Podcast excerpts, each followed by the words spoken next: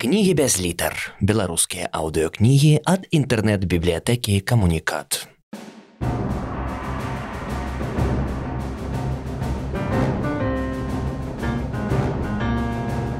Олесь Пашкевич. Рух.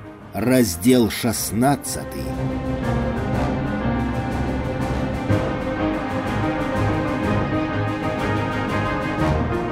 У той час у баку жылі два вельмі багатыя чалавекі, якія нічога не рабілі, але рабілі яны тое по-рознаму. Чорны шах мірзой сваім аўтарытэтам забяспечваў спакою мясцовым бізнесе, а стары генерал Лобіч мантажыў да позніх пеўняў у найлепшай рэстарацыі горада і гуляў карты. Аднаго разу яны сустрэліся. Генеральскі трубны голас раздражніў гарачага сына ўсходу, і мірзой падсеў за покерны столік да лобіча. Згуляем? Чаму ж не? І лобіч замовіў яшчэ віскі.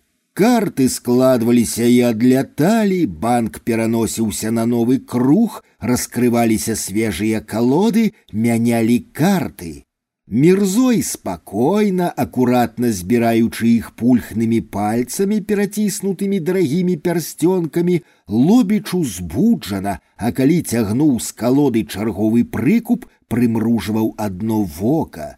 Павялічваліся стаўкі і ў дылера, які падсумаваў банк, пачалі дрыжэць руки. Ну што, открываем? Генеральскі бас прагучаў пераможна і ўзрушана. Вось!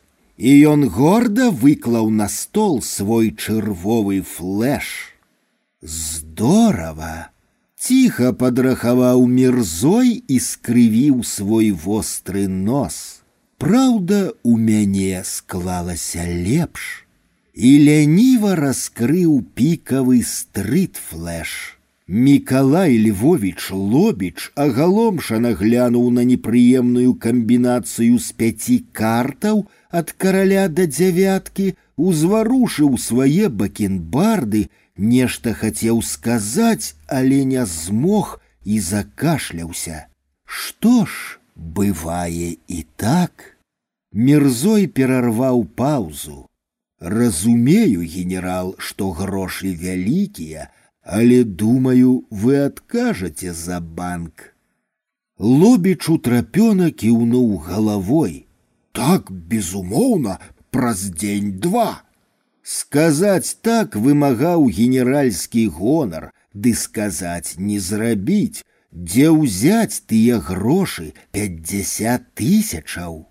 Пасля няўдалых прыгодаў расійскага войска ў порт-артуры і прайгранай вайны з японцамі апякун Миколая Львовича міністр Курапаткін развітаўся са сваёй пасадай і ўжо каля пяці гадоў ціха жыў у пакінутым яму доме на садовай, без шчодрых ганарараў нобеля, Да гэтага апошняга покера лобіч не вельмі тым пераймаўся, хапала на запашанага. Летась, праўда, калі Эмануил Нобель прыязджаў на абшырон, генерал сустрэўся з ім і між іншым нагадаў, што чакае працягу супрацы, але нафтаўладальнік зрабіў выгляд, што не зразумеў. На трэці дзень да генерала прыйшлі людзі мірзоя. Неабходную сумму вязуть з Петербурга, пачакайце. Быў холодны адказ.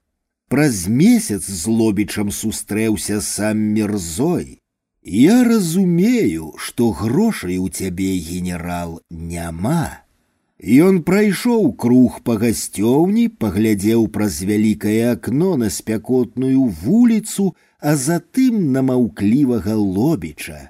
Я возьму гэты дом. Завтра зранку прыедзе мой чалавек з юрыстам, вы аформіце дарчую. І выйшаў, не развітаўшыся. Генерал скрыгатнуў зубамі і злосна вылаяўся. Хрен ты, хаўнюк, атрымаеш, а не мой дом.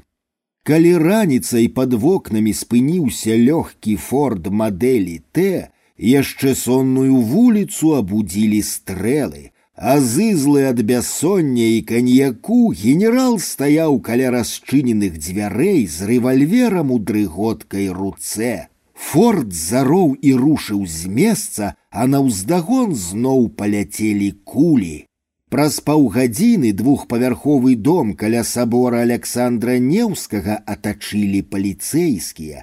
Генерал паспеў забарыкадаваць вокны і было чуваць трубным басам гарлаў сабе каманды. Калі гарадавыя пачалі ламаць дзверы, над дахам ускочыла хмарка і хутка пачала расці. Затым дым вырваўся з вокнаў, пачарнеў і, сплятаючыся з вогненнымі языкамі, шугануў высь. Неяк вось так. Прамовіў Мікалай Львович і зашпіліў верхні гузік свайго параднага мундзіра. А то разводзяць тут свае слізкія антимоніі. Мружачыся ад дыму, ён па шырокіх дубовых прыступках няспешна ўзышоў на другі паверх, адкашляўся, узяў вялікую бутлю газы і з усяго размаху шыбануў ніз.